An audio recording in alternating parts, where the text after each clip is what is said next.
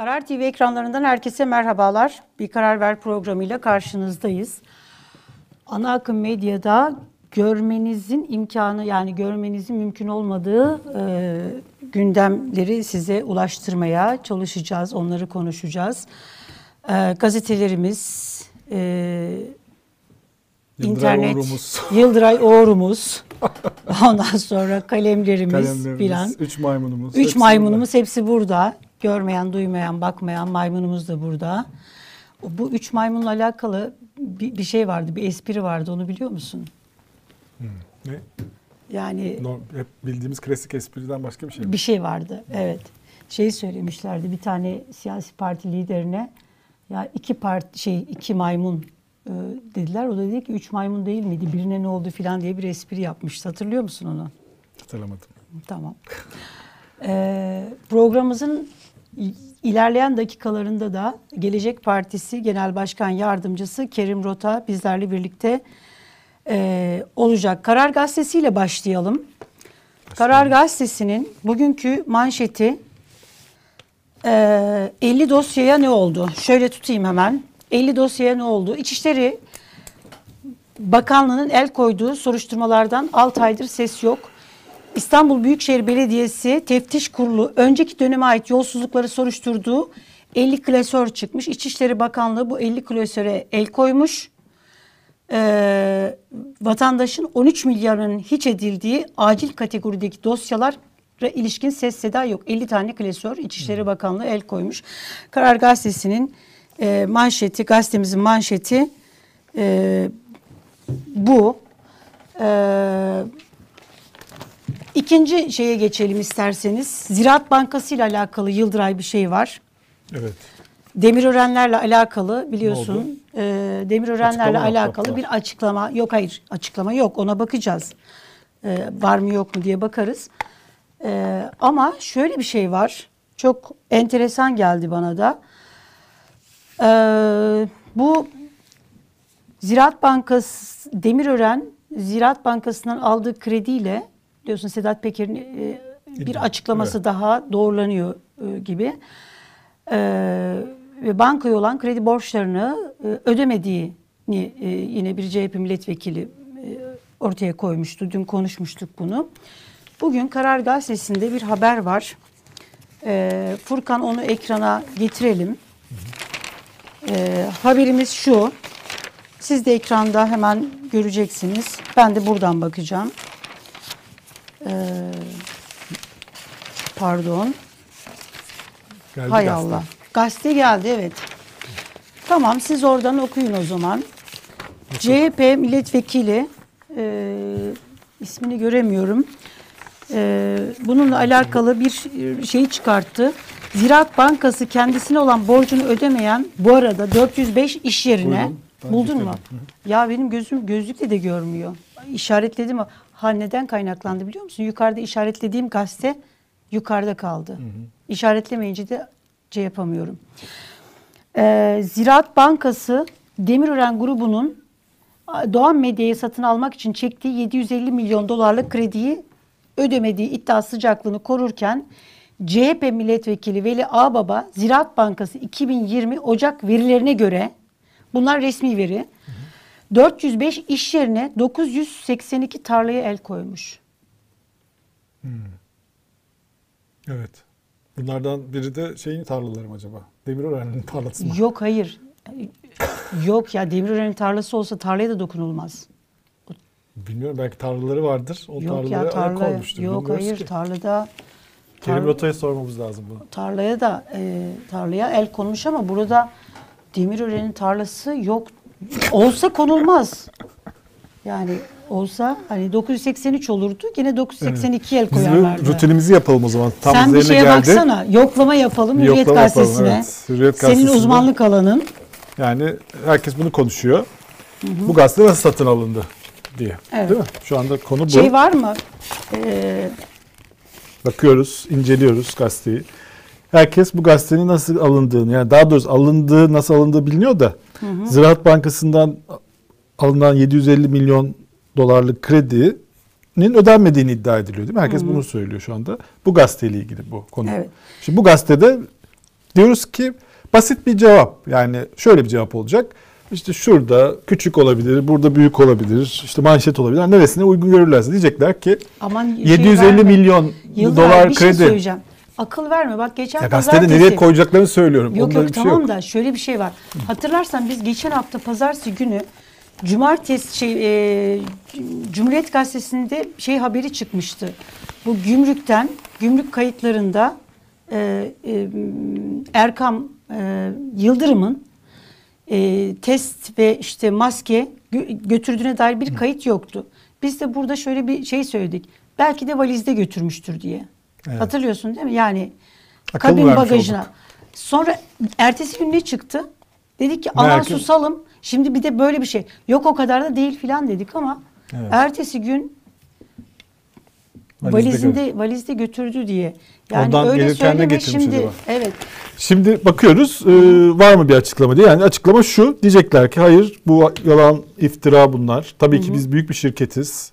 E, büyük bir medyayız. Bu 750 milyon dolarlık kredi ki kaç yıl oldu? Değil? Evet. 3 yıl falan geçti değil mi? 3 yılı 4 yılı falan geliyor. Tabii.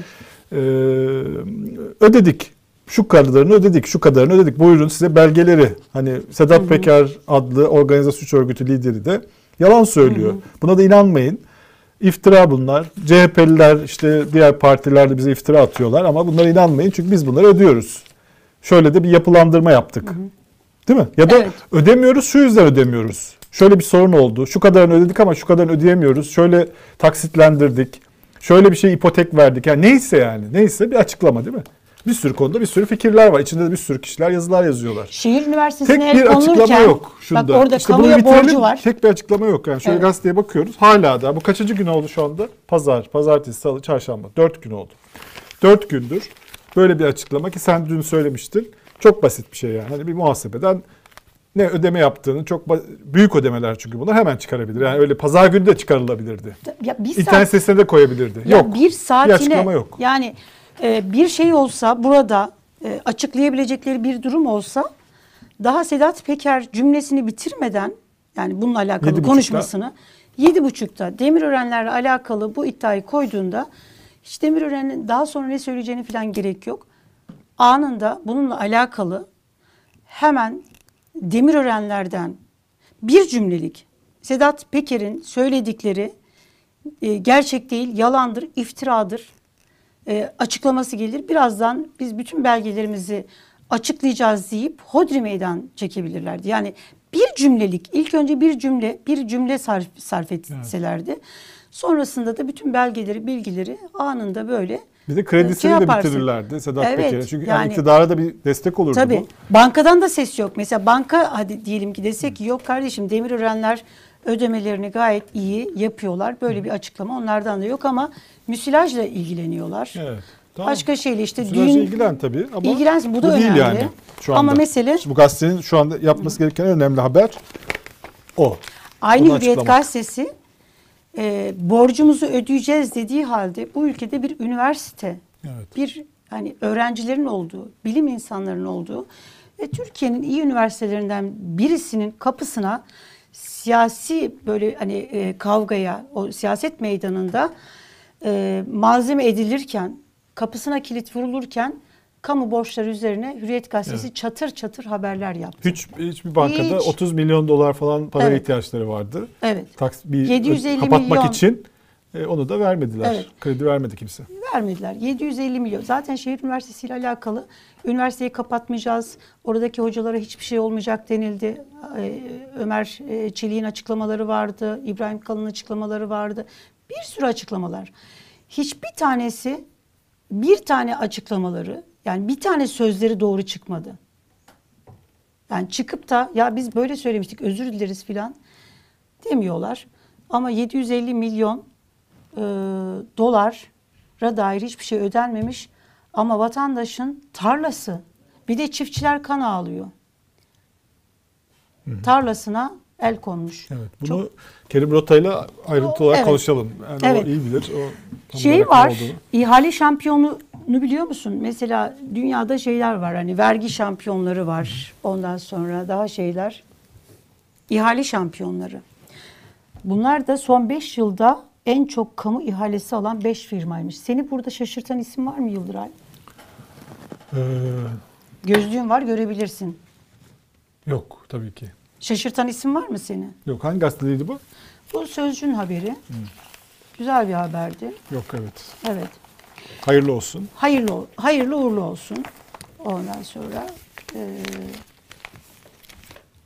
5 seçkin, 5 imtiyazlı şirket sahibi çok başarılı olmalı ve bence şey herhalde diğer bunlar çok becerikli ve çok işlerini iyi yapan insanlar. Haklarını da yememek gerekir mi acaba?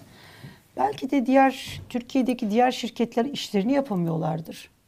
Düzgün yapmıyorlar mı acaba? Yoksa 5 kişiye niye verilsin değil mi? Yani iktidar böyle bir Evet. haksızlık yapmaz. Burada e, bir eksik var sadece. Evet. Bir kişi, Kim? beş, dört kişiler çünkü.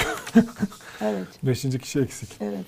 Bu arada Sözcü TV'nin de şeyi kalk, e, mahkeme kararıyla Sözcü TV adına izin verilmiyordu. Ona izin verilmiş. E, Sözcü TV adıyla açılabilecek. Onlara hayırlı olsun diyelim buradan. Hayırlı olsun evet. Bir ayıp daha, bir şey daha. Yargı böyle konularda çok hızlı çalışıyor ama önce bir suçlu muamelesi yapılıp sonra evet ama bu bayağı tabii uzun bir süredir bekliyorlar. Evet. Bir buçuk yıl falan oldu galiba. Evet. Bunu Bir buçuk yıl sonra pardon denilmiş oldu Sözcü, Gazete, Sözcü TV'ye. 467 Evet, gün. evet. Ee, pardon denilmiş oldu. Pardon siz haklıymışsınız. Biz burada bir yanlışlık yapmışız denildi. Ee, Adalet Bakanı Abdülhamit Gül uzunca zamandır böyle unutmuştum gündemimden düşmüştü. Abdülhamit Gül hatırlarsan şey söylemişti. Bundan sonra yargının lügatından pardon demeyi sileceğiz. Yargımız eee somut delillere dayanarak yargılamalarını yapacaklar. Onların bakacakları tek yer kendi vicdanları, kanunlar ve hukuklar. Başka yerden sakın talimat almayın demişti. Bu arada e, şey Hala e, bu tür açıklamalar yapıyor tabii. şeyin idare mahkemesi deyince bu Sedat Peker'in idare mahkemesinde idare mahkemesi hakimi şey dedi ya Sedat Peker e, Paramount Otel'de kaldı. E, Ankara İdare Mahkemesi hakime. O e, dilekçe verdi hani şikayetçi oldu Sedat Peker'den. Orada şöyle anlatıyor şeyi. E, 50 bin lira har- 50 bin liralık 50 bin liralık diyor ben şey yaptım diyor. Tatil E, yaptım. Evet ailece diyor 50 bin lira verdik ben de kendim ödedim diyor bunu. Biz Önce ailece 35 bin zenginiz lira, diyor. 35 bin lira olarak açıklamıştı. Şimdi 50 Şimdi mahkemede çıkmış. 50 bin lira diyor. Ha, şeyde e, basın açık yani dün e, Ali Nur e, Sözcü gazetesinden Ali Nur Uludağ mıydı? Ya şey isim. Ali Can Uludağ. Ali Can Uludağ. Sözcüden değil. Doçevelle'de. Doçevelle'de ona konuşmuştu. Evet. Ee, ona 35 bin lira demişti. Ailece zenginiz ve 35 bin lira tuttu. Bunu da biz ödedik.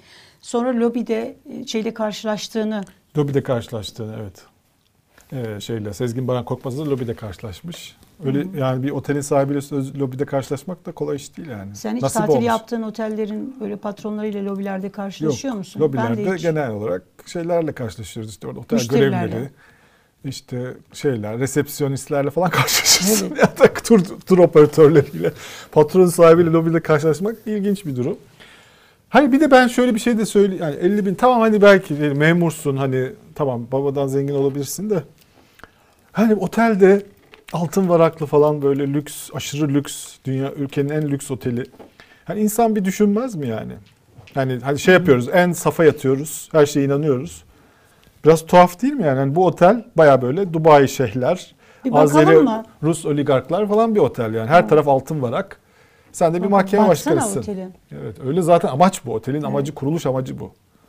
Orada da sahibi de e, şey Amerika'da hakkında şey var. Çünkü e, 2020'de kalmış. Sezgin Baran Korkmaz'ın kara para akladığı ile ilgili şey 2018'de falan Türkiye'de de çıkmıştı. Yani Amerika'da kara para akladığı ile ilgili biliniyordu bu.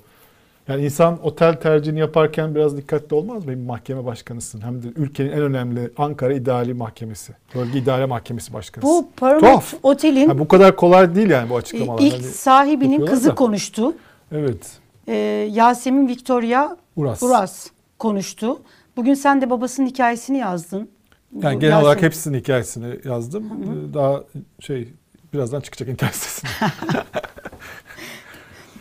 Gazetede Ee, var.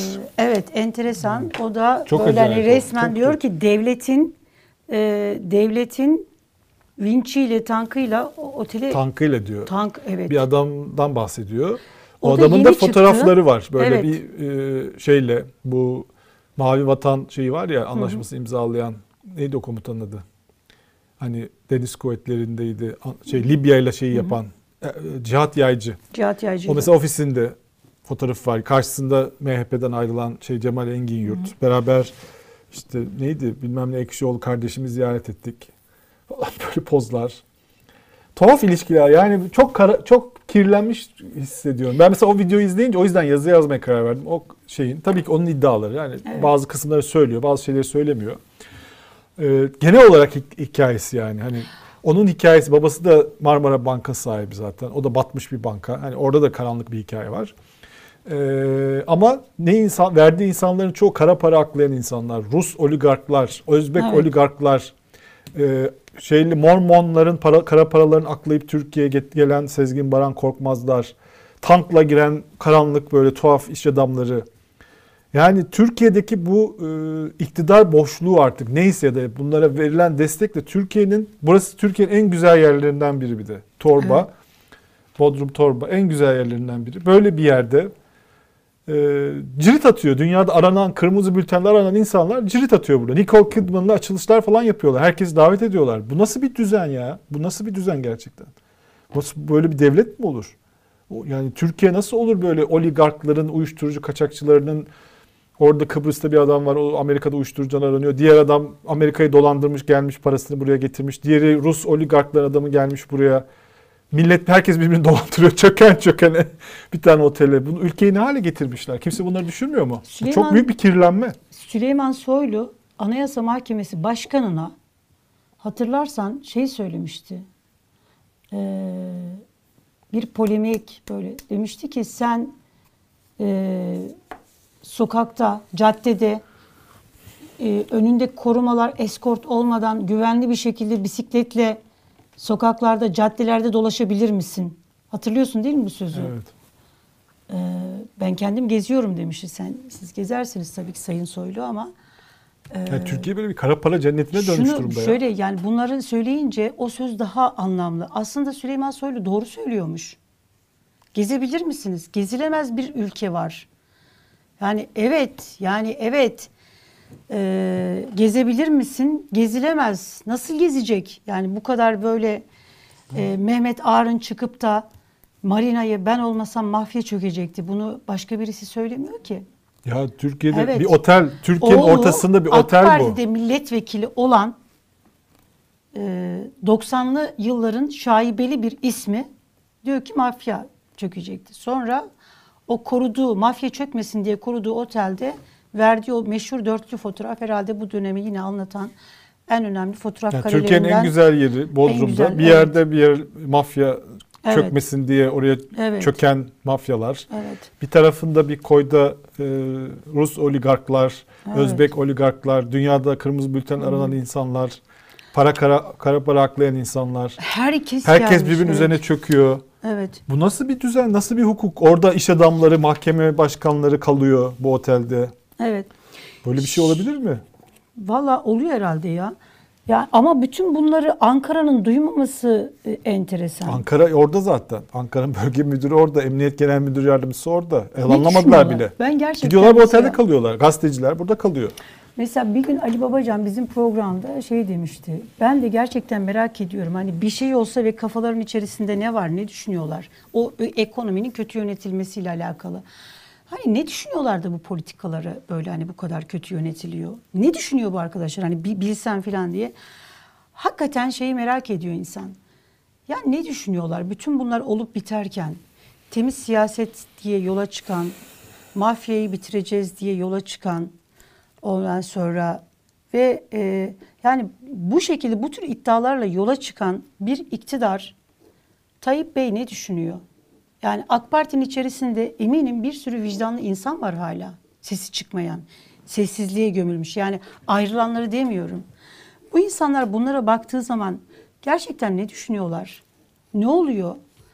Ee, hani ciddiye almayın derken Erdoğan, Sayın Erdoğan, e, önemsiz derken ne düşündü? Buna gerçekten inandı mı? Ya buradaki öncelikleri ne? Bunları cidden merak ediyorum. Ee, Yıldıray şeyi var. Sezgin Baran Korkmaz ikinci bir şey vakası. Hani hayırsever iş adamı diyorduk ya. Sedat Peker e, iki kez e, hem de Demirören Medya'dan bir tanesi e, hayırsever iş adamı plaketi almıştı. Sezgin Baran Korkmaz da plaketi almış. O da mı hayırsever iş adamı olarak? Ee, o da şeyden almış bak. E, Sözcü'de haber. Oraya bakarsan sevinirim. Resmi getirebilir miyiz arkadaşlar? Şimdi Sezgin Baran Korkmaz'la e, Türkiye'de Ha. bir soruşturma başlatılıyor. Aa Milliyetin Bakanı. Evet. Wow. Niye şaşırdın ki? Yani şaşırtan ne oldu? Gerçekten merak ettim Yıldıray. Milliyetin Bakanı ne Hayır. işi var Sezgin Baran Korkmaz'da diye Hayır şaşırdım. şeye mi yani Milli Eğitim Bakanı yapmaz diye mi şaşırdın? Yani Katkıları oradaki- nedeniyle para ne Hayır, içinmiş katkı? Mesela Milli Eğitim Bakanı asla böyle bir şey yapmayacağını hani Ya tanıdığı benim ne düşündüğüm boş ver. Onu yani Milliyetin Bakanı ile Sezgin Baran Korkmaz yan yana olur mu? Niye ısrar ediyorsun ya? Niye şaşırmayalım buna ya? Şaşırmak güzel. Haber işte haber olmuş demek ki şaşırmamız Evet, gerekiyor. Evet.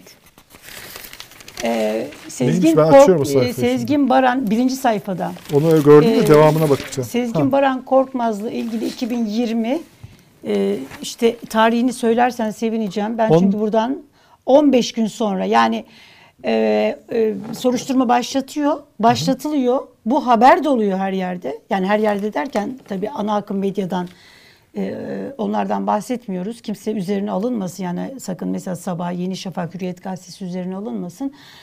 E, 15 gün sonra da e, Milli Eğitim Bakanı plaket vermiş. Bu fotoğrafı 15 vermişti. Ekim 2020. 15 Ekim 2020 ne demek biliyor musun? Ne demek? Oy. e, yani Boğuldum bir anda. çünkü 15 Ekim 2020'de Sezgin Baran Korkmaz hakkında e, mallar var- varlığını el koyma kararı vardı. Onu söylüyorum Daha işte. kalkmamıştı karar yani ondan önce. Nasıl bir şey ya? Ne ver- yapmış? Yaşayan Okullar Projesi kapsamında ülke genelinde 23 mimarlık ve mühendislik projelerinin tamamının sponsoru olan SBK Holding Yönetim Kurulu Başkanı Sezgin Baran Korkmaz'a Milli Eğitim Bakanı Selçuk tarafından plaket verilmiş. 20 tane okula, 20 okulda yaptırmış mı, projelerini mi yapmış anlamadım. Yaptırmış da olabilir herhalde. Ee, Yaşayan Okullar Projesi. Evet. Ve bu sırada mal varlıkları üzerindeki tedbir daha bu imza töreninden e, 21 gün sonra kalktı. Yani üzerinde şaibe olan bir isimken bile bu yapılmış yani. Bayağı bir plaket veriyorlar beraber. Bayağı yok şey değil yani. Çok acayip. Çok ilginçmiş Evet. gerçekten. Ben bunu kaçırmışım. Bayağı baktım çünkü Sezgin Baran Korkmaz'la ülkemizin ilişkilerine ama bunu kaçırmışım. İyi bir haber olmuş. Evet. Tebrik ederiz arkadaşı. Aytunç Şimdi Erkin. Ulaştırma Bakanı Ulaştırma Bakanı e, bu Kanal İstanbul'la alakalı bir açıklama yaptı. Açıklamayı şöyle diyor ki Kanal İstanbul'u yaparsak diyor Marmara'daki müsilaj temizlenecek. Bir daha diyor müsilaj olmayacak. Bu şey var ya Vay vay vay. e, Nasıl bir es- fırsatçılık. eskiden böyle şey satılır. Mesela hani şu anda da gerçi var da hani bir tane bir ürün var. Genelde bu böyle e, bahar şey e, bitki bitkilerde oluyor. Bir bitkiyi alıyorsun. Bir bakıyorsun sindirime iyi geliyor. işte e, hafızayı güçlendiriyor. Kalp hastalıklarına karaciğeri besliyor. Ondan sonra e, unutkanlığı gideriyor filan. Say say say. Ya bir tane bitki diyorsun ne kadar hani böyle Ne olabilir ki? Ne olabilir? Sonra bir başka bir şey alıyorsun. Başka bir yerden bir şey duyuyorsun. E, buna benziyor. Bir de- Her şeye şey Her yarayan, şeye her hastalığa iyi gelen. bu Cumhurbaşkanlığı hükümet sistemi de böyleydi biliyorsun. Bir Cumhurbaşkanlığı hükümet Kara, sistemi kara ama uma otu muydu? Neydi öyle bir şey satılıyor böyle Evet. bilmem ne her şeye Evet. geliyor diyor. şey var yani Cumhurbaşkanlığı hükümet sistemini de böyle anlatmışlardı. Say say faydası bitmiyor. Say say onu işte Elif mesela yine konuyu döndürdü, Döndürdü, dolaştırdı, Cumhurbaşkanlık döndürdü. sistemine getirdi. Ama onlar yapıyor ben yapmıyorum. Evet. Şimdi görmeyeyim yani bunları. Tabii tabii. tabii. Şimdi diyorlar ki evi olmayanı ev alınacak. Bunu ben söylemedim. AK Partili baka, koca koca bakanlar söyledi 2018'de. Evi olmayan vatandaşlar bu hükümet sistemine geçtiğimizde rahat rahat ev alacaksın. Dediler mi? Dediler. Bunu Ülkenin dediler mi? ekonomisi Bunu dediler. miydi? Vay vay Ülkenin vay. ekonomisi uçacak dediler mi? Dediler. Paranız kıymetlenecek dediler mi? Dediler. Şimdi e, e, bir sürü bir şey saydılar. Yani say say bitmeyen Cumhurbaşkanlığı hükümet sisteminin e, şeyleri vardı, faydaları vardı. Bir de şey vardı. Trenlerde hiç böyle şey mesela Haydarpaşa Gebze arasında şey gidip, geldin mi? Eski dönemlerde vapurlarda da vardı. Bir tane bir satıcı çıkardı. Ondan sonra bir tane ürün Derdi ki bunu alana bu da var. Tabii, tabii, bunu alana bu da var. Bunu alana bu da var filan diye. Şimdi bu Kanal İstanbul'un bir faydasını daha öğrendik. Evet. Müsilaj bitecekmiş. Ki, şey, Ekrem İmamoğlu demiş ki rüyanda mı gördün? Hakikaten rüyasında aksakalı bir dede mi girdi? Ne oldu? Bilmiyoruz. Evet. Ee, Ben geliyorum o tarafa doğru. Sen bu tarafa doğru gel.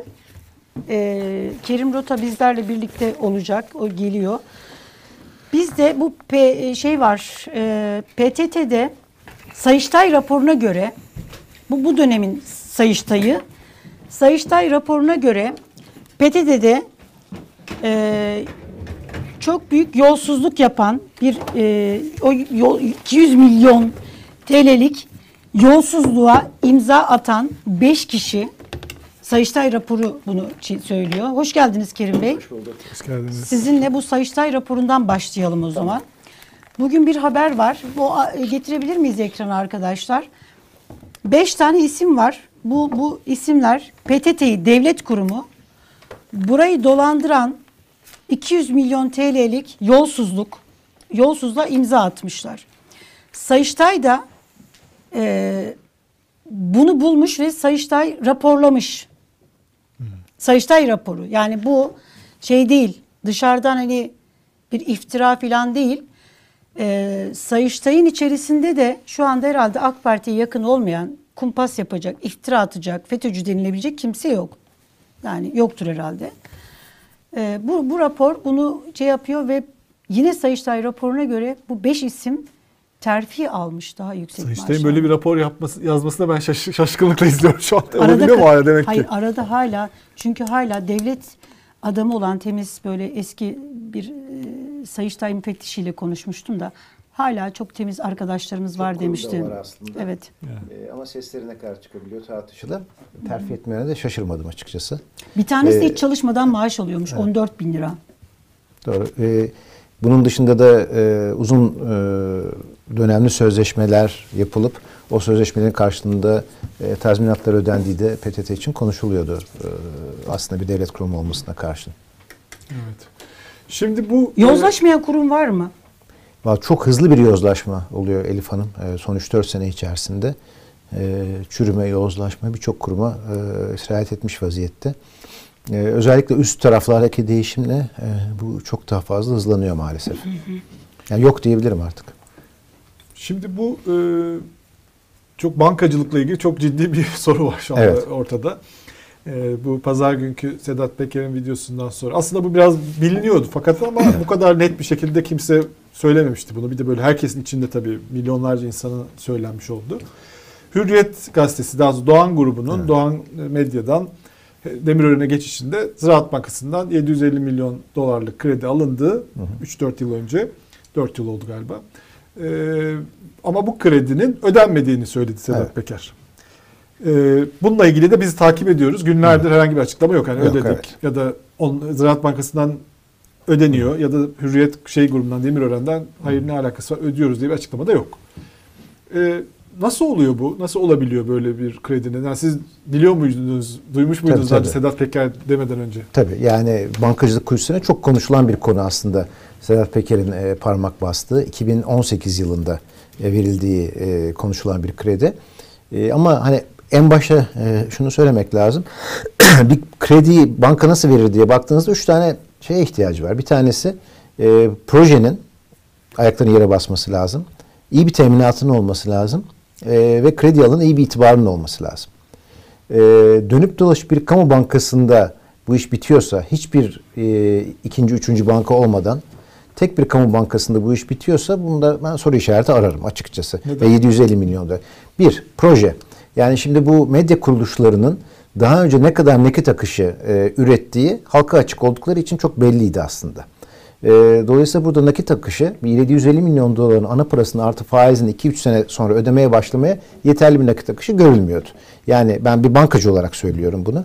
Dolayısıyla bu kişi bir özel bankaya gitmiş olsaydı bir kere e, ilk e, şarttan elenirdi. E, ikinci e, şart teminat.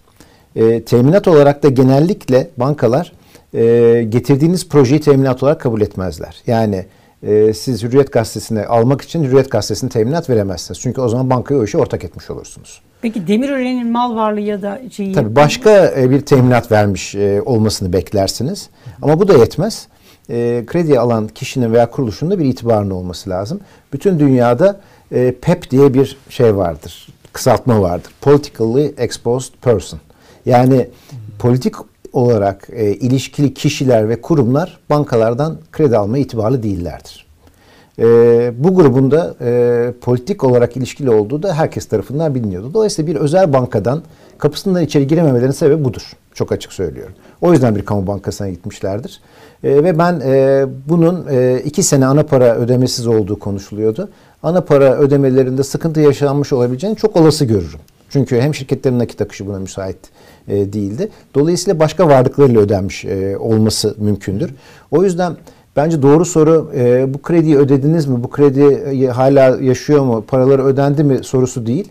E, doğru sorusu doğru soru bu krediyi ödediyseniz bile neyle ödediniz sorusu e, çok geçerlidir. Neyle E, ödemiş olabilirler? e, Çünkü şöyle e, bunun karşılığında şu yapılmış olabilir. Yani krediyi e, batık kategorisine göstermemek için başka bir varlık teminata alınmış veya satın alınmış olabilir banka tarafından. Banka o başka varlığı satın aldıktan sonra artık o bankanın fiyat riski de o varlığın fiyat riski de o bankaya geçmiş olur. Ondan sonrasında da e, her türlü fiyat riski de maruz kalır banka. O yüzden mesela ben hani mecliste bir e, şeyimiz olsaydı e, işte bu kredi ödendi mi sorusuna gelecek cevap belli. Müşteri sırrı kavramı, bankacılık sırrı kavramı gibi cevap verilmez. Ama mesela Ziraat Bankası'nın son 2-3 sene içerisinde 100 milyon doların üzerinde satın aldığı, kendi kredili müşterilerinden satın aldığı varlıklar nelerdir? Ve bunların miktarları nelerdir sorusunu sorardım. Zannediyorum bu artık e, müşteri sırrı kavramını şey yapmaz. Çünkü direkt müşteri ismi de istenmiyor burada. 100 milyon doların üzerinde hangi varlıkları satın aldınız ve bu bir kredili müşterinizden mi satın aldınız? Kredili müşteri grubundan mı satın aldınız sorusu ilginç olabilir. E, ben tahmin ediyorum ki e, burada bu e, kredilerin ödenmiş olsa bile e, ödenen varlıkların e, bugünkü değerlerinin çok düşük olduğunu ben düşünüyorum. Yani Peki kredinin neden ödenmemesi, ödenmemesi diye bir şey olmay olmayabilir. Olmayabilir, ödenmiş olabilir, ödenmiş görünüyor olabilir. Teminat ama. Teminat olarak gösterdikleri şey neyse onunla ödemiş. Onunla oluyor. ödenmiş olabilir. Onun bugünkü değeri ise aslında o kredinin ödenmiş miktarından çok daha düşük olabilir. Peki Sedat bunu peki- neden açıklamıyorlar Kerim Bey? Yani e, bu kredi düzgün bir şekilde nakit parayla e, vadesinde ödenmiş olsa bence hiç e, bu kadar medya grubuna sahip olan bir kuruluş bunu o gün itibariyle açıklardı. E, dolayısıyla bu ya ödenmemiştir veya ödendiyse bile şu anda Ziraat Bankası'nın e, ciddi anlamda değer düşüklüğüyle uğraştığı bir varlıkla ödenmiştir bence. Zarara uğratılmıştır yani. Muhtemelen. O Sedat Peker videosunda hem bunu söylerken bir de bir arsadan bahsediyor. İşte Kemer Country diyor, Evet. Göktürk'te diyor, Kemer Country. Gerçekten onların orada bir a- şeyleri Kemer Country Evet. Club'ın satın almışlardı. Evet. Onun diyor işte imarını değiştirmeye çalıştılar falan. Biraz böyle imalı ya da tam anlamayarak anlattığı bir mesele var. İkisiyle bu o teminat orası olabilir mi? Olabilir, Yani- örtüşebilir. Çünkü e, sonuçta e, bu da medyada çok yazıldı, çizildi. Bunun bir teminat olarak gösteriliyor. Hatta bugünkü gazetelerde e, oranın tekrar golf sahasına döndürüldüğü, yeşil alana döndürüldüğü yolunda mahkeme kararı ile ilgili haberler de vardı. Bugünkü gazetelerde okudum ben de. E, hani mesela bu yeşil alana döndürülen e, kısım şu anda e, kimin mülkiyetinde ben çok merak ediyorum. Herhalde bunu e, öğrenmekte çok zor olmasa gerek. E, zannediyorum hani tapu müdürlüklerinden veya e, bankaların bilgilerinden bunu öğrenmek mümkün olabilir. Yani ben şöyle özetleyebilir miyim anlattığın şeyleri? Ee, bunu teminat olarak göstermiş olabilirler. Mümkün. Orası bir golf kulüp ama. Evet. Fakat onlar bir imar almışlar. Çünkü Sedat Peker'in Evet. anlattıklarını onu anlıyoruz. Hatta böyle haberler de çıkmıştı o zamanlar. Çıkmıştı, evet. Kemal Country Club'ın golf alanına imar aldıkları 302 ilgili. tane villa yapılması yönünde 302 bir tane imar evet. e, çıktığı Bu yönünde. Bayağı bir para edecek Evet. bir şey. Bunu teminat olarak gösterip Ziraat Bankası'na bunu Evet. vermişler.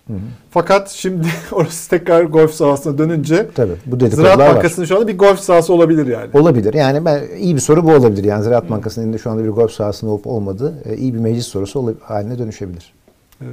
Yani bir golf sahası karşılığını medya grubu almışlar yani. Çok acayip gerçekten. Evet, yani hangisi daha değerli tartışılır tabii şu an itibariyle ama. evet gerçekten. Çok Bu- acayip. Peki bir şey daha sorabilir miyim Elif? Sor. Çok merak ettim. Mesela diyelim ki bu parayı ödemezlerse, diyelim ki herhangi bir Evet. müşteri 750 milyon doları ödemezse başına ne gelir? Ya şöyle onun çeşitli aşamaları var. Bir bankanın e, bir kere e, bu paranın ödenmeyeceğini hissetmesi yeterli. Yani paranın ödenmemesini geçiyorum. Hissetmesi e, nedeniyle bile bu grup 2 diye adlandırdığımız bir sınıfa, sınıflamaya atar banka bunu. Daha sonrasında ise bu e, tahsilat yönünde gerekli enerjiyi, gerekli iyi niyeti gösterir.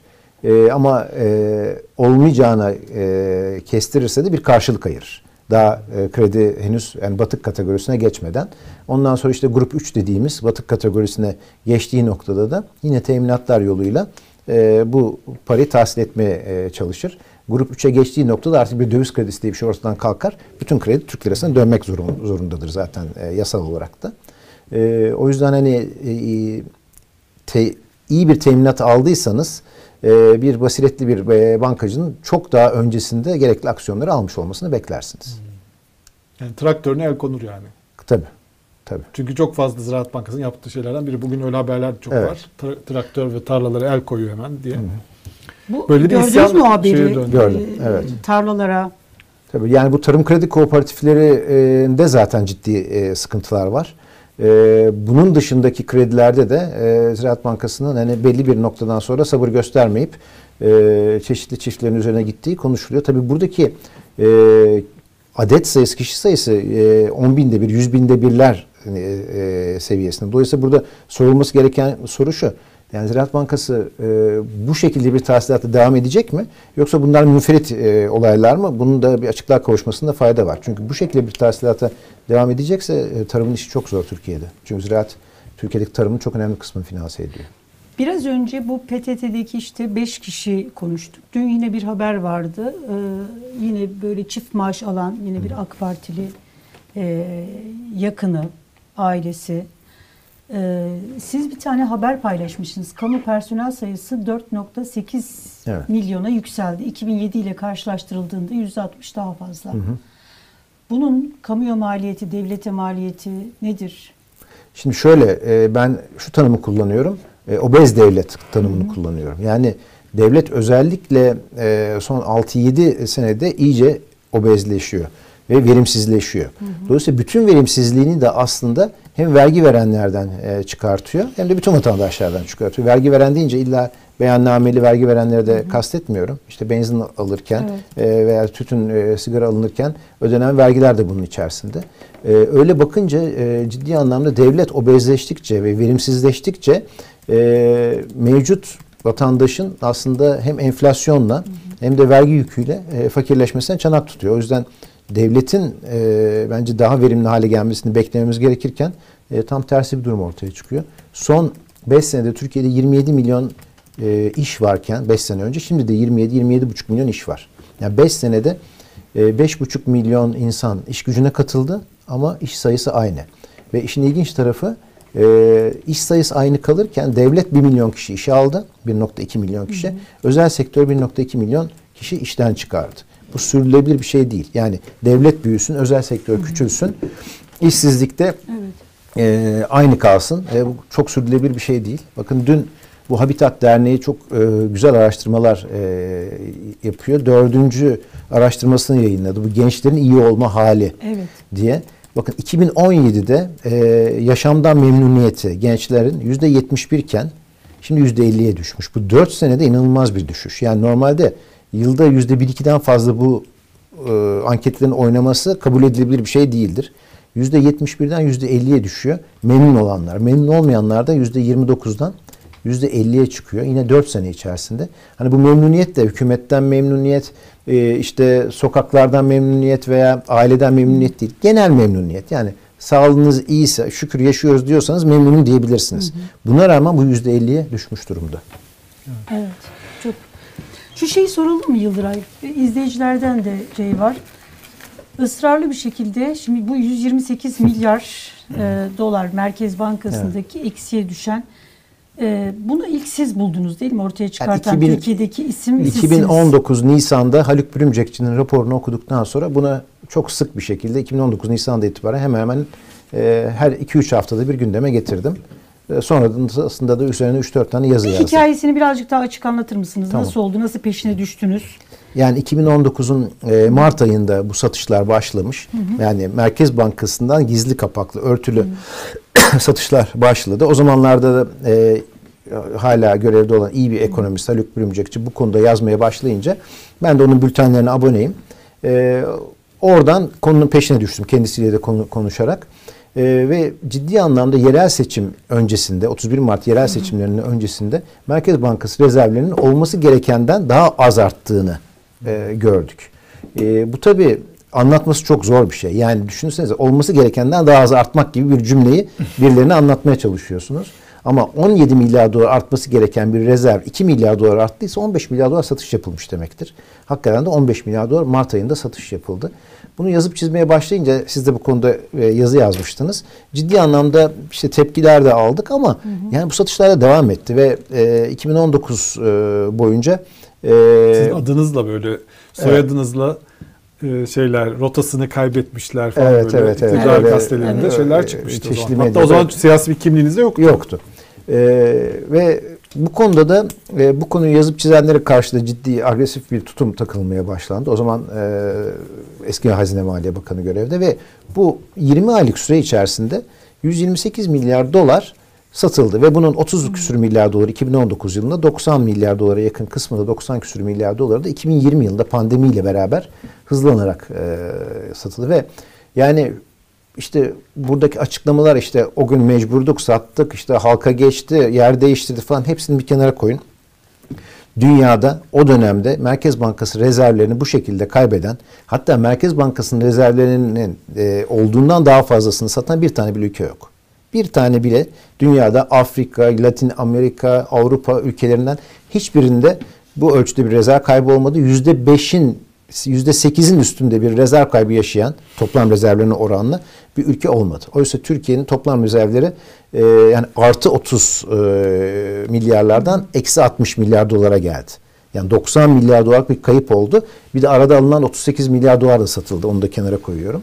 Yani öyle bakınca bu ölçüde bir savurganlık, bu ölçüde bir delilik diyeyim artık. Ben buna delilik diyorum. Bu ölçüde bir delilik hiçbir zaman hiçbir ülkede olmadı. O yüzden e, bunu pandemiye bağlamak, bunu ekonomik saldırıya bağlamak, üstümüze gelen dış güçler, e, para baronları falan hepsi yalan. Yani Nereye hepsi- bağlayabiliriz bu delili? e, bu şu, e, ekonomik cehalet yani bir, bir numaraya onu ben e, koyarım. İkinci sırada ise e, kuru ve faizi her sene 20-30 milyar dolar satarak 2023'e kadar biz götürürüz ve başarılı bir resim çizeriz hevesi. Ama pandemi bu 30 milyar dolar yıllık satış e, tutarını 90 milyar dolara çıkarınca hani tabiri caizse çanak çömlek patladı.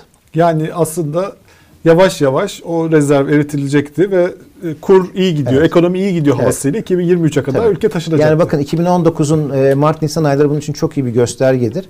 E, bu mekanizma o zaman çalışmaya başladı ve 2019 boyunca 30 milyar dolar satıldı. Yani 120-130 milyar doları satmayı kafasına koymuş bir birisi için önünde bir 3-4 sene daha vardı. Ve o zaman da çok ciddi bir şekilde ekonominin iyi gittiğiyle Tabii, ilgili o zaman dalga faizler- geçerek, tabii. aksanlar yaparak Tabii, konuşmalar rahatlıkla bü- büyük bir özgüven patlaması e, ortaya çıkıyor. Çünkü hem faizleri düşürme şansını elde ediyorsunuz hem de kurlar üzerinde belli bir baskıyı kurabiliyorsunuz. E, ama bu tabii e, hani şey gibidir. Nükleer santralin ayarlarıyla oynamak gibidir. Çok hassas bir ayardır bu. doğru. Yani e, onu sürdürmeniz mümkün değil. Peki Cumhurbaşkanı Patladı yani, Erdoğan TRT'de en son Merkez Bankası'ndaki rezervlerle alakalı yaptığı açıklamada soruyorlar bu sorulur mu dedi. Merkez Bankası'nın eriyen rezervleri nereye harcandı diye sorulmaz mı? Sorulmaz olur mu? Yani bir kere bu e, sadece vergi verenlerin değil, tüm vatandaşların hakkı.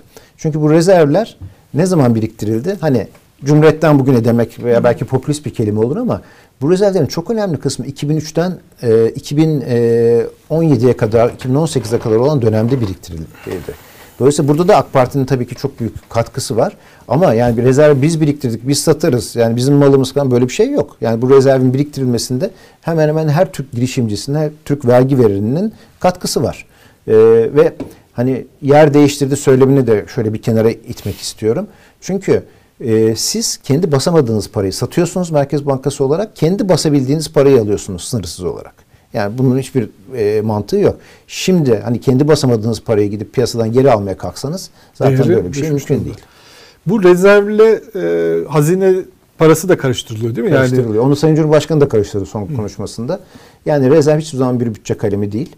Ee, Merkez Bankası ile e, hazinenin tek ilişkisi aslında Merkez Bankası'nın karını e, ve e, bunun vergisini hazineye ödemesi ve hazinenin bu parayı harcamalarında kullanabilmesi.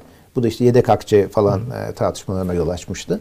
E, buradaki rakamlar çok daha tabii ufak yani 40 Yani bunlar böyle harcanacak paralar değil. Bunlar Tabii. e, para e, dönüşümlerinde kullanılan paralar aslında. Tabii yani alım Ülke- satım Evet. tutarları bunlar ve bu alım satım tutarlarında da e, paranın büyüklüğünden daha çok aslında paranın e, değer kaybını konuşmak çok daha önemli. E, bu 128 milyar dolar benim hesaplamama göre 6.30 6.40 seviyelerinden satıldı. E şimdi işte 8.50 arasında neredeyse 2 liradan daha fazla bir e, fark var. Şimdi mesela siz o bürümçekçi raporlarını takip ediyorsunuz yine. Tabii.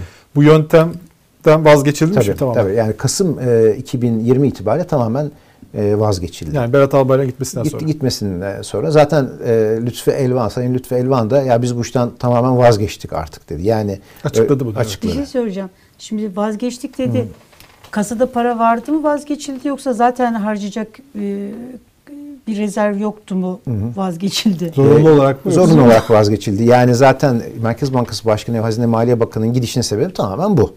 E, dolayısıyla yeni gelenlere de e, aman siz artık kasaya daha çok e, sahip çıkın sakın böyle bir şey yapmayın denmiş olmasını e, beklersiniz. E, nitekim de e, daha sonra Naci Bey döneminde, Lütfü Bey döneminde böyle şey görmedik. Yeni başkan döneminde de e, görmedik. Dolayısıyla böyle bakınca aslında bunun ne kadar hatalı olduğunu şu an görevdekiler çok iyi biliyorlar. Ama aynı iktidarın devamının bürokratları olduğu için de bunu savunmak gibi bir misyon kendilerine verildi. Ona yapmaya çalıştılar. Bunun fikir babasının kim olduğu ile ilgili de tartışmalar yapıldı. Evet. Bu mesela Berat Albayrak'ın fikri miydi? Başka birinin fikri miydi? Şu an Merkez Bankası'nda hala çalışan insanların fikri mi? Yani bununla ilgili de bir şey var mı? Yani Veri. şöyle burada e, çok derin bir finansal mühendislik aramaya gerek yok. Eminim ki bakın yani 2005, 2006, 2008, 2010 böyle dönemlerde de bir sürü cin fikirli insan çıkmıştır. Mehmet Şimşek'e, Ali Babacan'a, Ahmet Davutoğlu'na. Ya şu rezervler niye boş boş duruyor burada? Biz bunları satalım. Bununla piyasayı kontrol edelim. Ee, böylelikle üstümüze oynanan e, dış güçleri şey yapalım, bertaraf edelim gibi bir sürü cin fikirli gelip gitmiştir eminim ben bundan. Ee, ama e, onlar hem işi bildikleri için hem de e, ciddi anlamda e, devletin parasına sahip çıkmanın ne olduğunu bence daha iyi bildikleri, iyi bildikleri için e, böyle bir şey izin vermemişlerdir. Bence 2018'den sonra bu baraj kapaklarının açılması Cumhurbaşkanlığı sistemiyle beraber bu kişilerin iktidara gelmesi oldu. TRT'de Cumhurbaşkanı e, Merkez Bankası Başkanımla görüştüm. Ben hala iddiamın arkasındayım dedi. Yani Evet. enflasyon faiz denklemi Evet. var Cumhurbaşkanı'nın. Aradım ve faizler düşürülsün dedim. Düşürmemiz lazım dedim dediğini açıkladı. Serkan Özcan sizden o gecenin maliyeti Türkiye'ye 90 milyar. Doğru. Bunu nasıl hesapladınız? 20 Hesaplamayın. kuruş yani kur 20 kuruş arttı. Sadece o cümleyle Türkiye'de e, Ve piyasalar kapalı olmasına rağmen değil mi? Tabii ertesi gün hemen hemen o fiyatlardan işlemler oldu zaten. E, Türkiye'de 450 milyar dolar dış borç var. Yaklaşık bunun bir 150 milyar doları kamuya ait, 300 milyar doları da özel sektöre ait. 450 milyar dolar dış borca sahip Türkiye'de e, hemen hemen e, 90 milyar TL'lik e, bir dış borç yükselişi yaşandı sadece o cümleyle. E, zaten hani e, daha sonra e, partinin bütün şeylerinde de açıklamalarını bunu şöyle e, ifade etti Serkan Özcan. E, bu dünyanın en pahalı TV şovu oldu dedi. Gerçekten de öyle oldu. E, o yüzden yani aslında piyasalar Sayın Cumhurbaşkanı'nın Merkez Bankası Başkanı'nın niye atadığını, onunla ilişkisini Biliyor her şeyi çok iyi biliyor. Ama tekrarladığınız zaman piyasalar artık e, o mor- hani zaman içinde düzelmesi muhtemel olan morali de kaybediyor ve o tepkileri veriyor. E, çok acıdır ki yani Temmuz Ağustos ayına kadar belli ki bir süre alınmış kendisinden. Gerçekler Öyle söylemek anlaşılıyor yerine. değil mi? Yani Temmuz Evet. Ağustos'ta indiririz demiş. Temmuz. Ağustos'a kadar bizi e, bekleyin. E, o zaman bakın enflasyon da inecek. E, şimdi piyasa çok tepkisi olur. Elimize yüzümüze bulaşır. Lütfen bize izin verin gibi bir şey olmuş muhtemelen. Ben öyle anlıyorum bu konuşmadan. E, dolayısıyla hani Ağustos'dan sonra faizler indirilmezse e, yeni bir e, Merkez Bankası değişimi, yeni bir piyasa depremi her şeyi görme şansımız var. Bu Merkez Bankası Başkanı aslında Cumhurbaşkanı Erdoğan'ın bu teziyle bayağı uyumluydu. Yani aynı düşünüyorlardı Evet. faiz düşürülmesi konusunda. Neden mesela faizleri indirmiyor? Buna Ya inanan şöyle- bir Merkez Bankası Başkanı tabii. var. Yani şimdi yazıları onu gösteriyor. Evet. Ama o koltuğa oturduğunuz noktada e, ilk briefingi aldığınız e, zaman ya aradan bir 4 saat geçtikten sonra e, bence e, ekonomi piyasanın gerçekleriyle yüzleşirsiniz. Bence kendisinin başına da bu gelmiş öyle görünüyor. E, dolayısıyla e, orada nasıl sonuçlar elde edeceğini çünkü Merkez Bankası'nın içinde çok kıymetli uzmanlar var. Neden sonuç ilişkisini birçok siyasiden çok daha iyi kurarlar. Onlara demişlerdir. Bakın şöyle yaparsanız böyle olur, böyle yaparsanız böyle olur. O böyle olurun e, senaryoları muhtemelen içini karartmıştır. Ve dolayısıyla bir süre alma noktasına o da gelmiştir. Peki- Ben şöyle bir şey diyorum, sözünüzü kestim. Sayın Cumhurbaşkanı'nın faizler yüksek diye görevden alıp değiştirdiği her Merkez Bankası Başkanı faiz yükseltti. Ama şöyle bir Evet, şey olduğunu söyleyecektim.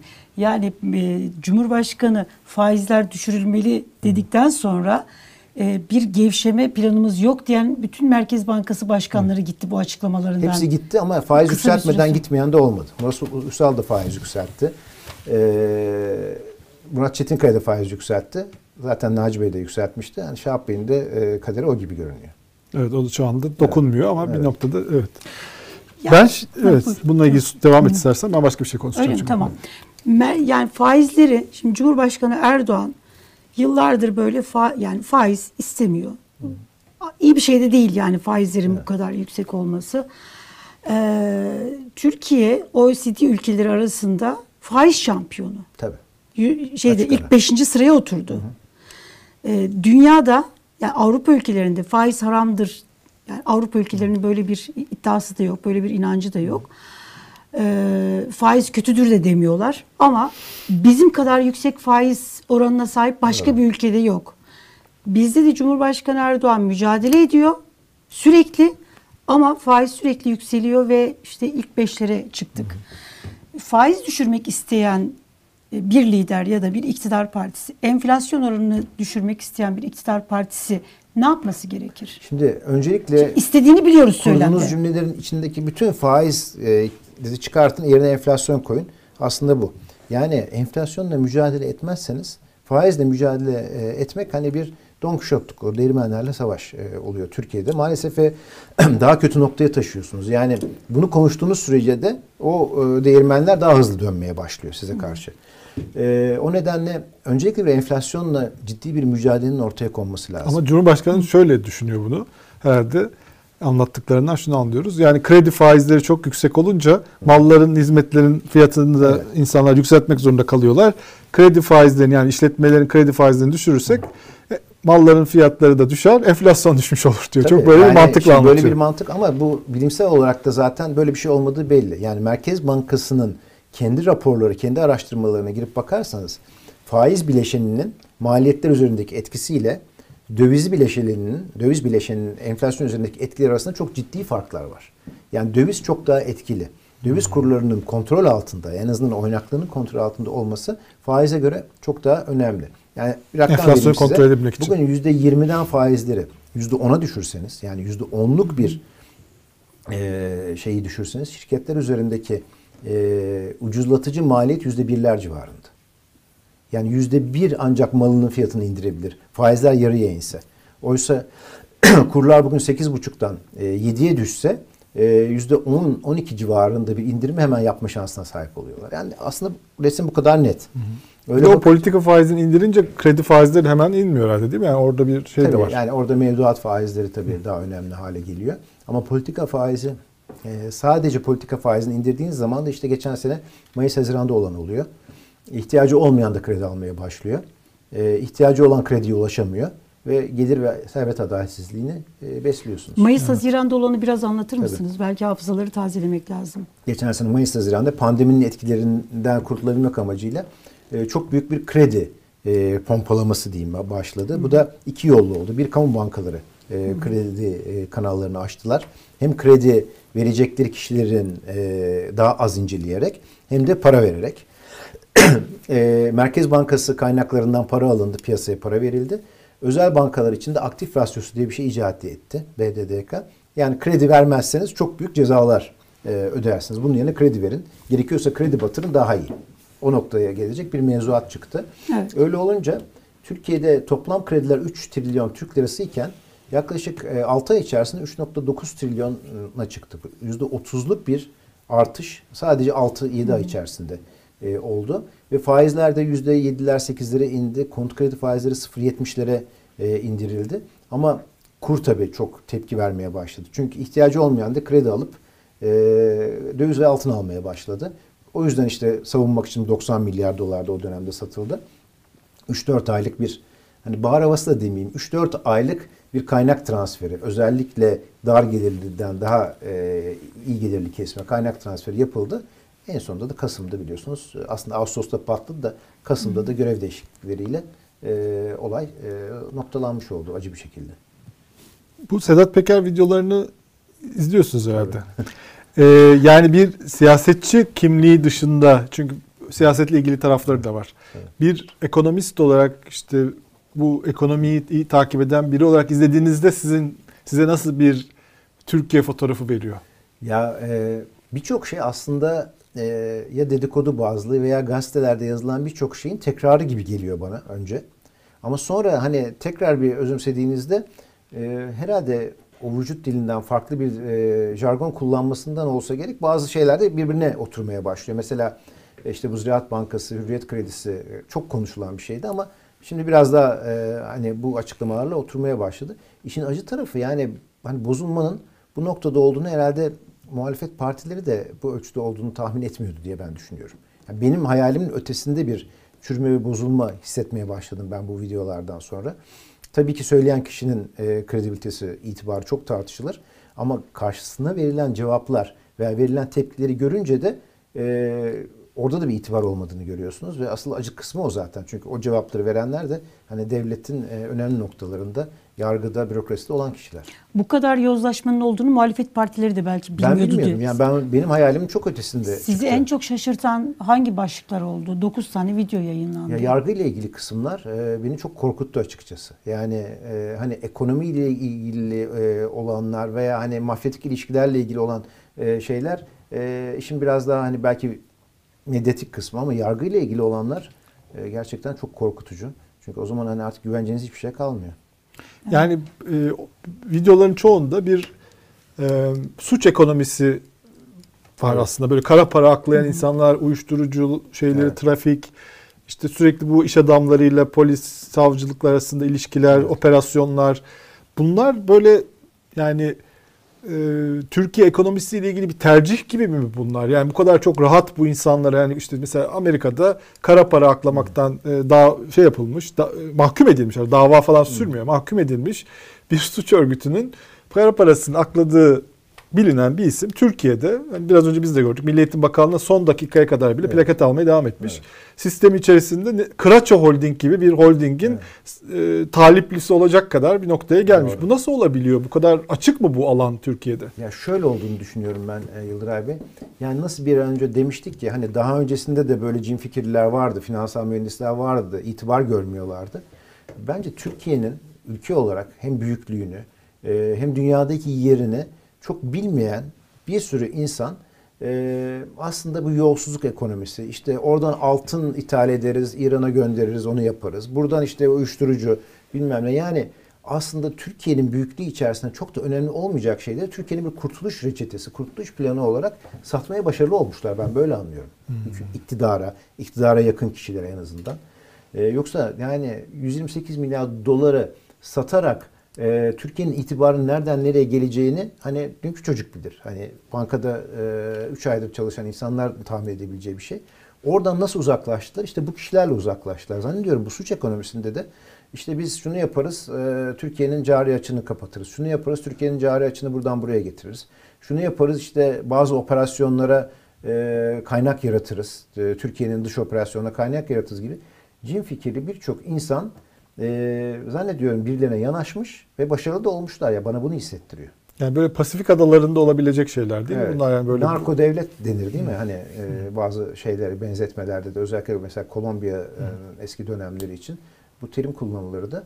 E, o zamanlarda hani şöyle bir anekdot vardır. E, bana izin verin e, bütün dış borcunu Kolombiya'nın ödeyeyim demiş o zamanki e, şey. e, Escobar. Escobar. E, yani o dönemkiler Böyle bir şey akıllarından ucundan geçirmemişler. Dış borcumuzu ödedi hadi biz bu işten kurtulalım. Zannediyorum ya bunu yapalım biz e, finansal olarak da bu bizi rahatlatır girişi olur ülkeye. olan kişiler türemiş devletin içerisinde. Evet. Yani işte bir otel hikayesi var mesela şimdi o gündemde. Yani otelin el değiştiren aktörlere baktığınızda hepsi birbirinden Evet. acayip. Yani bir normal bir aktör yok. Ülkenin en güzel yerinde, en güzel e, koylarından birindeki bir Evet. Ama hep böyle Ya otelin zaten e, asıl bildiğim kadarıyla şeyi de yani e, oraya imar izninin Evet. alınması da zaten e, ayrı bir sorunla başlıyor. evet. O yangınla Yıkım kararları falan otellerden var. bir Evet. tanesiydi diye hatırlıyorum ben. Evet. Ee, Süleyman Soylu'yu dinlediniz mi? Bu Evet. Güney'de e, seçimler öncesinde bir konuşma yaptı. Kendisi İçişleri Bakanı. Ee, ısrarla altını çiziyorum çünkü ekonomiyle alakalı bir müjdeden bahsetti. Temmuz ayından itibaren e, ülke ekonomisinin uçuşa geçtiğini, geçeceğini haber verdi. Siz iktisatçısınız. Ekonomide böyle bir kıpırdanma, uçuşa geçme böyle hazırlığı falan görüyor musunuz? Ne durumdayız? Maalesef yok. Yani çok büyük bir dediğim gibi gelir ve servet adaletsizliğinin içine düştük. Öyle olunca e, özellikle mesela büyüme rakamları e, konusunda %7'lik bir büyümeye hani sevinip ya Temmuz ayında çok daha iyi olacak diyorsanız ben size söyleyeyim mesela ikinci çeyrek büyümesi büyük ihtimalle %15 %20 olacak Türkiye'de. Yani %7 bir şey değil %20 olacak ama e, mühim olan bu büyümenin nasıl dağıldı ve yıl sonunda nereye geldi? Yani Türkiye yıl sonunda da belki %5-6'lık bir büyümeye ulaşmış olacak toplamda. Ama işte baz etkisi diye bir şey var. Bir de bu büyümenin ne kadar e, iyi dağıldığının etkisini de şey yapmak işte. Ve gençler diyor ki %50'si ben hayatımdan memnun değilim demek noktasına gelmiş ki hani ortalama bir ülkede bu iş %70-75'in altına düşmez bu sorunun cevabı. Yani çok hızlı bir bozulma var. Bu da tabii ki hem ekonomik e, durumla alakalı hem de Türkiye'deki e, demokratik ortamla, özgürlük ortamıyla çok alakalı bir durum. E, ekonomide de bence bu ciddi anlamda e, gelir dağılımının nasıl dağıldığını bilmeden artık büyüme rakamları üzerine konuşmanın ben bir manası olmadığını Şimdi düşünüyorum. mesela ben iktisatçı değilim. Sadece anlamaya çalışıyorum. Biraz böyle bu ülke ekonomisi e, kötüye doğru gidince de ilgi yani ilgileniyoruz anlayabileceğimiz ölçüde. E, mesela e, ortalama kişi başına geliri 40 bin dolar olan Avrupa ülkelerine baktığınız zaman bu kadar büyüme oranları yok. Yüzde yedi gibi. Ama Türkiye'ye bakıyorsunuz yani bu kendi biz bizim ülkemizde büyüme oranı yüzde yedi açıklanıyor. Ee, ama işsizlik var, enflasyon var, faiz. Bu büyüme mesela yüzde yedi büyüdük dendiği zaman bu vatandaşları ilgilendiren bir şey değil mi ülkeyi? Ya şöyle ben biraz daha tabii geniş perspektiften bakmak Yani lazım yüzde yedi büyüyen bir ülkede mesela işsizlik olur mu? Yani bu İşsizliğin çok teknik bir şey mi? beklemeniz lazım. Ha, tamam bunu anlatır %7, mısınız e, bize? Yani özellikle Türkiye gibi e, hani bir ülkede potansiyel büyümesi yüzde dört dört buçuk derseniz yüzde yedilik bir büyümede işsizliğin azalmasını. ne e, kadar düşmesi lazım mesela? Ya şöyle. e, Şimdi 10 milyonu aştı işsizlik oranı. Tabii geniş tanımlı işsizlik Evet. 10 milyonu e, aşmış vaziyette. Yani iş sayısı ben e, en kolay aslında e, ABD'de de bu şekilde yaklaşırlar. Kaç tane iş var? Yani böyle baktığınızda dediğim gibi son 5 senede Türkiye'de iş sayısı artmamış vaziyette. Ama iş piyasasına giren 5 5,5 milyon tane de genç var. E, nette e, çıkanlar hariç. Öyle bakınca e, çok ciddi anlamda bir işsizlik artışı var. Yani bu 10 milyon 10 milyon kişi buradan e, geliyor zaten. E, mesela bu sene %7 büyümemiz belki işsizliği çok hafif aşağı getirecek ama 2018, 2019, 2020, 2021 4 sene ki bu Cumhurbaşkanı hükümet sisteminde geçtiğimizden bu yana diyebiliriz. 4 senenin ortalama büyümesi %2-2,5'u geçmeyecek.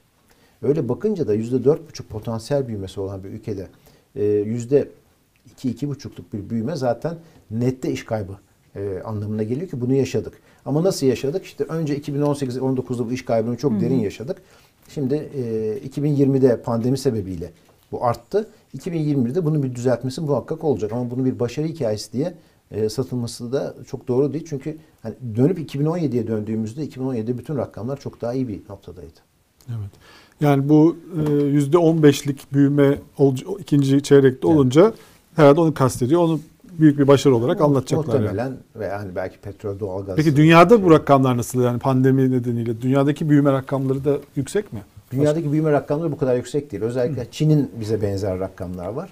E, daha düşük. Ama e, dünyada da bizim gibi e, 2019 yılında e, bu kadar düşük büyüyen, sıfıra yakın büyüyen de hiçbir ülke hemen hemen yok. Dolayısıyla baz etkisi de bunu biraz ortaya koyuyor.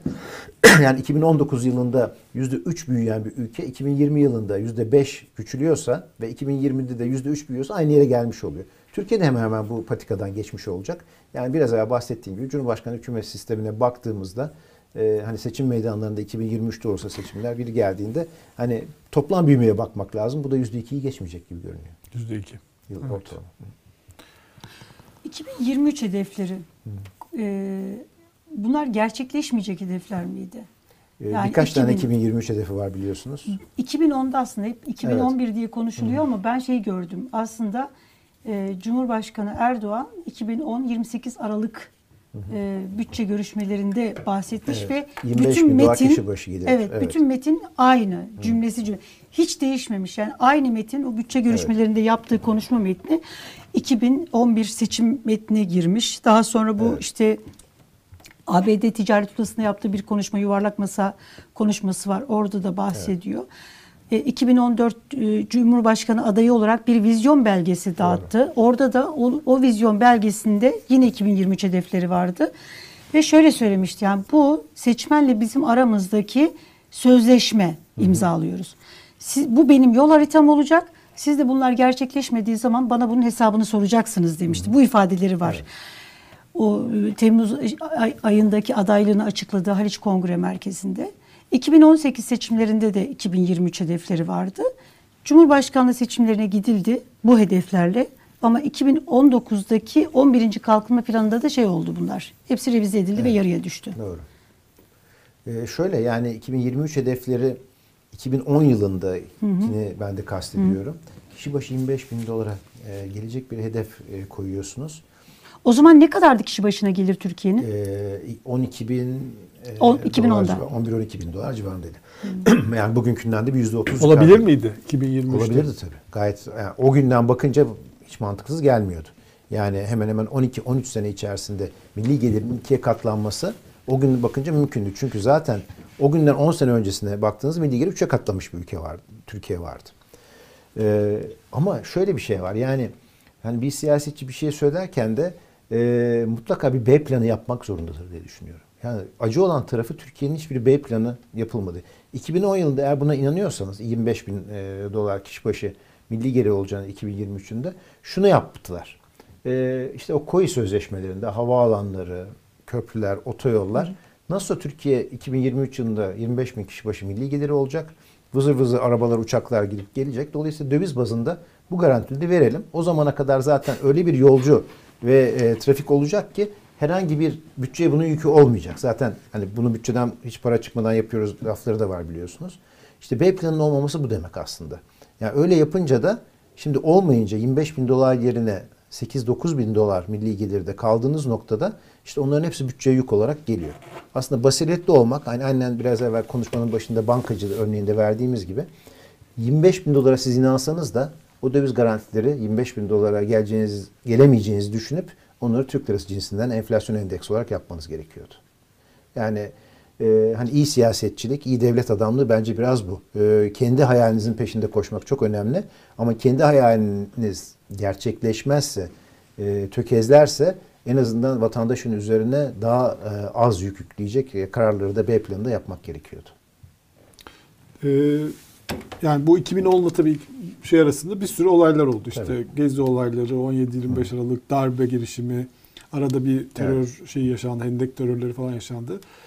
Ee, bütün bunlara rağmen de o hedef tutturulabilir miydi? Ben şöyle bakıyorum. E, hani tabiri caizse, tabiri mazur pişmiş tavuğun başına gelmeyenler geldi Türkiye'nin başına deniyor ve hani gerçekten de çok acayip şeyler oldu. Ama Güney Afrika ile Brezilya'nın başına da az şey gelmedi aynı dönemde. Yani çok ciddi e, badireleri atlattılar. Hani belki bir tabii ki darbe girişimi gibi artık böyle e, Brezilya'da bir- Cumhurbaşkanı hapse atıldı falan. Tabii öyle böyle şeyler oldu. Dolayısıyla bu iki ülke e, de bize benzer ülkeler. E şimdi Güney Afrika'ya bakıyorsunuz. Güney Afrika parası ile Türk parası arasındaki bak doları bir kenara koyun. E, o dönem içerisinde yani 2010'dan e, bu yana Güney Afrika parası Türk parasına karşı 3 kat değer kazanmış vaziyette. Brezilya reali 2-2,5 kat değer kazanmış vaziyette. Yani Türkiye'de bunun dışında da bir, bir şeyler kötü gitmiş ki bu bu üç ülke e, hemen hemen en kötü 3 performans gösteren ülke dünyada. Ama Türkiye bunların çok dışında bir ligde kaldı. E, o yüzden hani ben kötü yönetimi adlandırırken e, olaylarla rakamları ilişkilendirmek yerine benzer ülkelerle ilişkilendirmeyi daha doğru buluyorum. Şimdi e, Cumhurbaşkanı 2023'te seçim olacak diyor ve bunun mantıklı gerekçesi olarak da yani daha doğrusu yorumlayanlar diyorlar ki ekonominin durumu ortada. E, bu ekonomide bir toparlanma olmadan, bu pandemi etkisi de geçmeden e, bu seçim kararı alamaz zaten. Yani çok büyük şikayetler var. Öyle bir an var mı 2023'e kadar böyle ekonominin toparlanıyormuş gibi hissi olacağı bir an olabilir mi? E, Bence öyle bir beklentisi var e, iktidar. Yani öyle bir beklentisi olduğunu hissedebiliyorum. Konuşmalardan hissedebiliyorum. O eski özgüvene kapılınacak e, bir e, günler bekleniyor. Ama bence e, bunun için hani en uygun zaman onların mantığıyla aslında geçtiğimiz Mayıs Haziran'dı. Hani dedim ya o kredi furyası Evet. o şey faizler düşürülmüş biraz e, piyasa canlanmış tam e, pandemi sonrası e, o 2-3 ay kapanmadan sonra ben öyle bir dönemi bir daha bulabileceklerini 2023 Haziran'a Temmuz'a kadar hiç düşünmüyorum açıkçası. Yani ben de dolayısıyla o fırsatı ekonomik olarak bulamayacakları kanaatindeyim. Ama hani siyasetçi şapkamı da ortaya koyduğunda e, Sayın Genel Başkanımız da söyler Türkiye'de erken seçim olmayacak demek en büyük siyasi acemiliktir der. E, gerçekten Türkiye her şeye gebe. E, ama ekonomik olarak baktığınızda ben 2023'e kadar böyle bir fırsatın oluşacağını hiç düşünmüyorum. Çünkü gerçekten gelir dağılımı e, o kadar bozulmuş e, vaziyette ki oy yığınlarını mutlu edecek bir e, finansal büyüklük yaratmak artık mümkün değil. O kredi furyaları, o döviz rezervleri satışları falan bir daha tekrarlanamaz. Biden'la görüşme etkiler mi? Ya şöyle orada tabii iyi Diyelim bir, ki iyi bir görüşme yaptı. tabii iyi bir resim verileceğini Evet. ben düşünüyorum. Ee, Türkiye en azından ekonomisi- ilişkilerin e, geçtiğimiz 2-3 ayda konuşulan kadar olmadığı yönünde bir imaj e, olacağını düşünüyorum. Ama arka kapılar arkasında ne olacağını tabii e, kimse bilmez. O yüzden ben piyasa üzerindeki etkisinin e, biraz olumlu olacağını düşünüyorum. Ama bunlar tabii çok geçici şeyler. Ne kadar iyi olur? Yani Biraz derken. Yani, Yani çok hani e, bir felaket çıkmadığına yönelik bir e, piyasa beklentisi. Çünkü dövizde olur. e, çeşitli tahminler yapılıyor. Yıl sonu tahminleri falan bayağı felaket rakamlara ulaşıyor. Yani 9'lar, 10'lar falan gibi. Öyle bir şey kontrol altına alınabilir mi? Yani o Yani öyle orada Merkez olursa. Bankası'nın ne yapacağı çok önemli olacak tabii. Yani siyasetçilerden çok Merkez Bankası'nın tavrı çok önemli olacak. Ben hala e, böyle Ekim-Kasım ayına kadar Merkez Bankası'nın faizlerde bir düşüş yapamayacağını düşünenlerdenim. E, ama buna karşın e, bir yükseliş gerektiğinde de yapamayacak e, bir e, eli kolu bağlı Merkez Bankası var. O yüzden döviz üzerine bir tahmin yapmak e, çok zor ama %19-20 faizin olduğu bir e, ülkedeyiz. E, faizlerimiz oldukça yüksek ama enflasyon da çok yüksek. Reel faiz olarak baktığınızda sıfır noktasına e, yakın yerdeyiz. O yüzden ben dövizin çok yükseldiğini düşünüyorum. Ama her böyle düşündüğümde yeni bir şokla karşılaştık. Geçtiğimiz senelerde de böyle düşünüyordum. O yüzden iddialı bir şey söylemek istemiyorum bu konuda. S-400'ler Türkiye ile Amerika arasında en büyük sorunlardan bir tanesi. Şimdi muhtemelen ya ki muhtemelen diyorum yüzde yüz konuşulacak bu S-400'ler. Ee, S-400'lerden Türkiye vazgeçti diyelim ki Amerika'nın dediği oldu. Bunun Türkiye'ye ekstra bir ekonomik maliyeti ne olacak? Ya da Ee, vazgeçebilir mi? Evet. Şimdi Yeni bir şey anlaşmak için e, Evet. Amerika'yı memnun etmek için yeni bir bütçe gerekecek mi S-400'lere karşı? Elif Hanım yani şimdi bu eğer e, Türkiye ekonomisinin bağışıklık sistemi tamamen ortadan kaldırılmamış olsaydı hani bu soru açısından da ya işte biraz e, Ruslar turist göndermez öyle bir durumda biraz turizm düşer e, ama öbür tarafta bazı strateji kazanımlar elde edilebilir falan gibi bir şey söyleyebilirdim ama bu rezervlerin satışıyla beraber Türkiye'nin bağışıklık sistemi o kadar çöktü ki artık e, her e, darbeden çok etkilenir hale gelebilen bir ekonomik yapımız var. O yüzden hani bu görüşmelerin ardından Ruslarla çıkacak olan bir görüşme, ondan sonrasında bir turizmimize yeni gelecek bir darbe gibi şeyler çok etkili olabilir. E, o yüzden çok ince bir ipin üzerinde de dış siyaset yapmak durumunda bence şu anki hükümet. Ama bu da tabii kendi e, şimdiye kadarki tercihlerinin bir sonucu e, olarak bu noktaya geldi. E, o yüzden e, ben etkisi olabilir diye düşünüyorum. Halk Yani Bankası davası. Halk Bankası davası bildiğim kadarıyla orada biraz daha bir süre e, kazanımı e, elde edilmiş vaziyette. Yani onun da ben bir siyasi dava olduğunu düşünenlerdenim. E, halen bir siyasi dava olduğunu düşünüyorum ben bunun. E, o nedenle bunun da e, bir hani Türkiye-Amerika ilişkileriyle paralel bir sonuç vereceğini düşünüyorum. Yani oradaki iyileşmenin e, o davayı küçülteceğini düşünüyorum. 128 milyar dolar e, gündemi bitti mi Türkiye için? Ya şöyle bitti bence. 128 milyar dolar nerede sorusunu sormanın bir manası yok bence. 128 milyar doların nasıl acemice harcandığı e, ve Türkiye'nin nasıl ekonomik tabloya geldiğini umarım herkes anlamıştır. E, bunda- Muhalefet ve iktidar Evet. arasında kim kazandı bu polemiği ya da bu şeyi? Ya bence muhalefetin çok açık ara bir başarısı var burada. Ama cevap alınamadı. E, ama yani zaten öyle bir cevap, Cevap almayı da beklemiyor. Nerede kimse. diye ne oldu Evet. biliniyor zaten. Nerede, Yok. yani benim açımdan mesela soru nerede sorusu e, çok önemli değildi. Ama Cumhuriyet Halk Partisi bunu çok iyi bir kampanyaya çevirdi ve öyle bir başarı e, elde edildi. Ama e, benim açımdan niye yani neden bunu yaptığınız sorusu çok daha önemliydi. E, nasıl kıydınız sorusu önemliydi. E, ama e, aslında ona da cevap aldık. Yani bu kabine değişiklikleri, Merkez Bankası değişiklikleri de bunun cevabını e, ortaya koyuyor. E, bence ciddi anlamda e, bundan sonra bu hataların tekrarlanmayacağını ben düşünüyorum. En azından döviz rezervleri konusunda. Evet. Bu EYT'lilerle alakalı bir çalışmanız var sanırım Haftaya sizin. pazartesi inşallah açıklayacağız. Genel Başkanımızın katılımıyla Burada biraz ilgili. anlatabilir misiniz? Var mı elinizde Tabii ki. veriler? Yani şöyle şunu söyleyebilirim.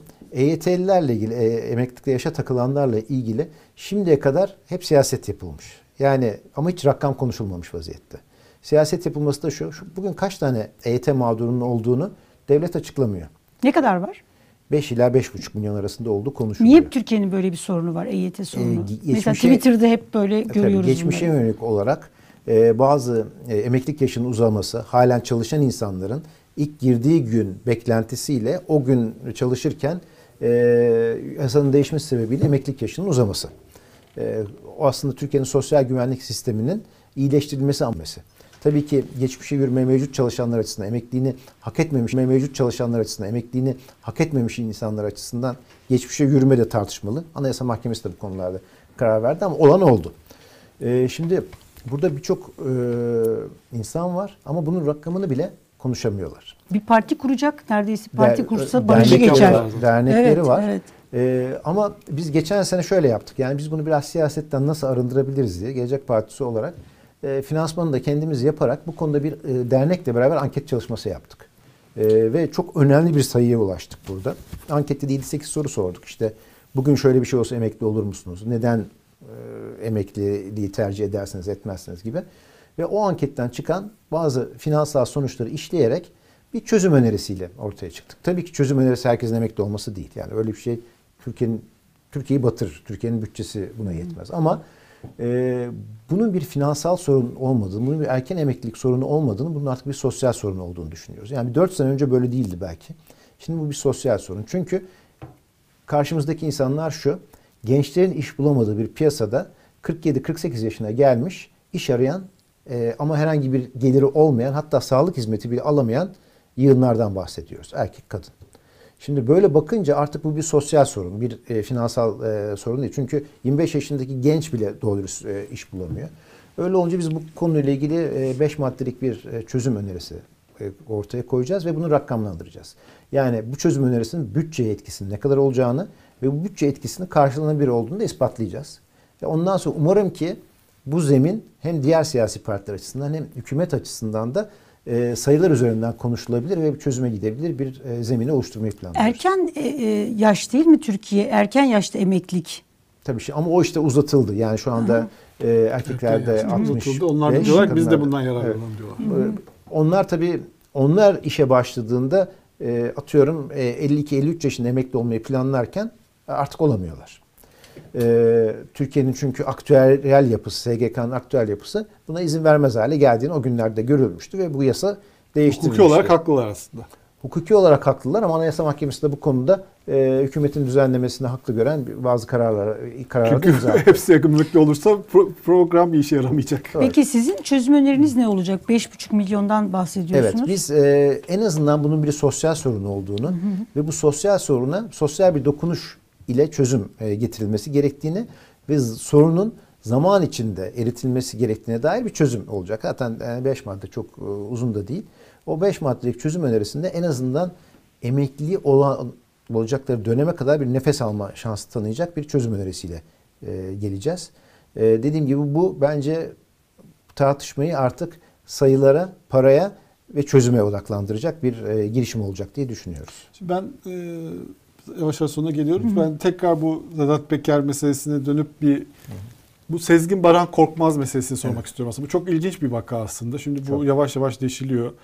Yani böyle bir karakter nasıl olabiliyor. Bu kadar iktidar, siyaset, medya her tarafta e, mevcut olabiliyor. Bu bu siz yani herhalde siz de duymuştunuz duymuşsunuzdur Tabii. yani çünkü sürekli bir takım alımlar yapıyordu, açıklıyordu. Bunu da aldık, bunu da aldık falan diye. Ya işin daha e, trajikomik kısmı, yani trajikomik demeyeyim de acı kısmı e, Yıldıray Bey.